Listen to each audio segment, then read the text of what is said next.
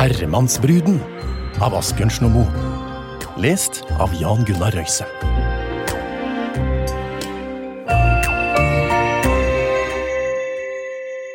Det var en gang en rik kakse som eide en stor herregard. Og sølv hadde den på kistebånd og penger på rente. Men noe var det som vante, for han var enkemann. En dag var dattera fra grannegarden hos den på arbeid, og hender likte Herman riktig godt. Og da var han fattigfolks barn, så tenkte han at eh, når han bare klunker på giftering, eh, så måtte han slå til med det samme. Så han sa til han at eh, jo, han hadde kommet i tanker om å gifte seg att. Ja ja, en kan komme på så mye, sa jenta. Hun sto der og smålo, og tenkte den gamle styggen kunne ha funnet på det som høvde seg bedre for han enn å gifte seg. Ja, det var meninga at, at du skulle bli eh, kona mi, da, sa Herman. Nei, ellers mange takk, var det likt seg det, mente hun. Herman han var ikke vant til å høre nei, og dess nødigere hun ville ha han, dess mer oppsatt vart han på å få han. Men da han ikke kom noen vei med jenta, så sendte han bud til far hennes og sa til han at eh, om han kunne laga det så at han fikk han, så skulle den få det jordstykket som lå oppe til enga hans.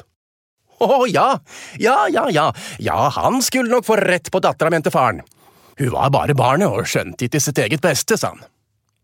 Men alt den tala for dattera, både vel og ille, så hjalp det ikke. Hun ville ikke ha denne herremannen, om han så satt i malt gull til oppunder øra, som han sa. Herremannen vente og vente, dag etter dag, men så ble han harm og utålmodig til sist, og så sa han til far til jenta at om han skulle stå ved det han hadde sagt, så fikk han slå et slag i saken nå, for han ville ikke vente lenger. Og mannen han visste ikke han av råd, sa han, enn at Herman fikk laga alt i stand til bryllups, og når presten og bryllupsfolket hadde kommet, så fikk han sende budet til jenta, som om det var et arbeid hun skulle være med på, og når hun så kom, så måtte hun bli vigd i en snarvending, sånn at dette fikk tid til å områ seg. Dette syntes Herman var både godt og vel, og så lot han brygge og baka og laga til bryllups så det hadde god skikk. Da gjestebufolket var kommet, ropte Herman på en av gutta sine. Og så sa han at, at han skulle stryke ned til, til grannemann Sørigarden og be han skikke det han hadde lovet.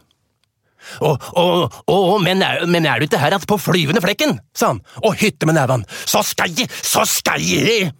Og mer fikk han ikke sagt, for gutten han satt av gale, som om hun var brent. Ja, jeg skulle helse fra husbånd og be om det du har loven, sa gutten til mannen Søregarden. Men det måtte være på røde rappet, for han har visst farlig brått i dag, sa han. Ja, ja, spring ned i enga du og, og ta med deg, hun, hun går der, sa grannemann. Og gutten av gårde. Da han kom ned i gjenga, gikk dattera der og raka. Ja, jeg skulle hente det som far din har lovet husbånd, jeg, sa gutten.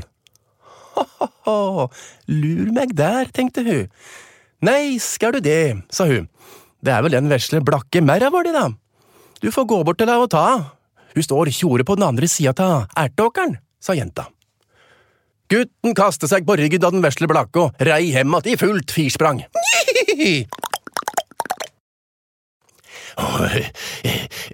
Fikk du henne med deg? sa Herman. Ja, hun står nede ved døra, sa gutten. ja, så ta så leie henne på kammerset etter ei mor, sa Herman. Neimen, kjære vene, åssen skal det gå til, da? sa gutten. Du bare gjør som jeg sier, du, sa Herman. Og makter du ikke aleine, så får du ta folkehjelp, sa han. Han tenkte nok jenta kunne slå seg ugrei. Da gutten så fjeset på Herman, så visste han at det ikke nytte å si mot der i garden.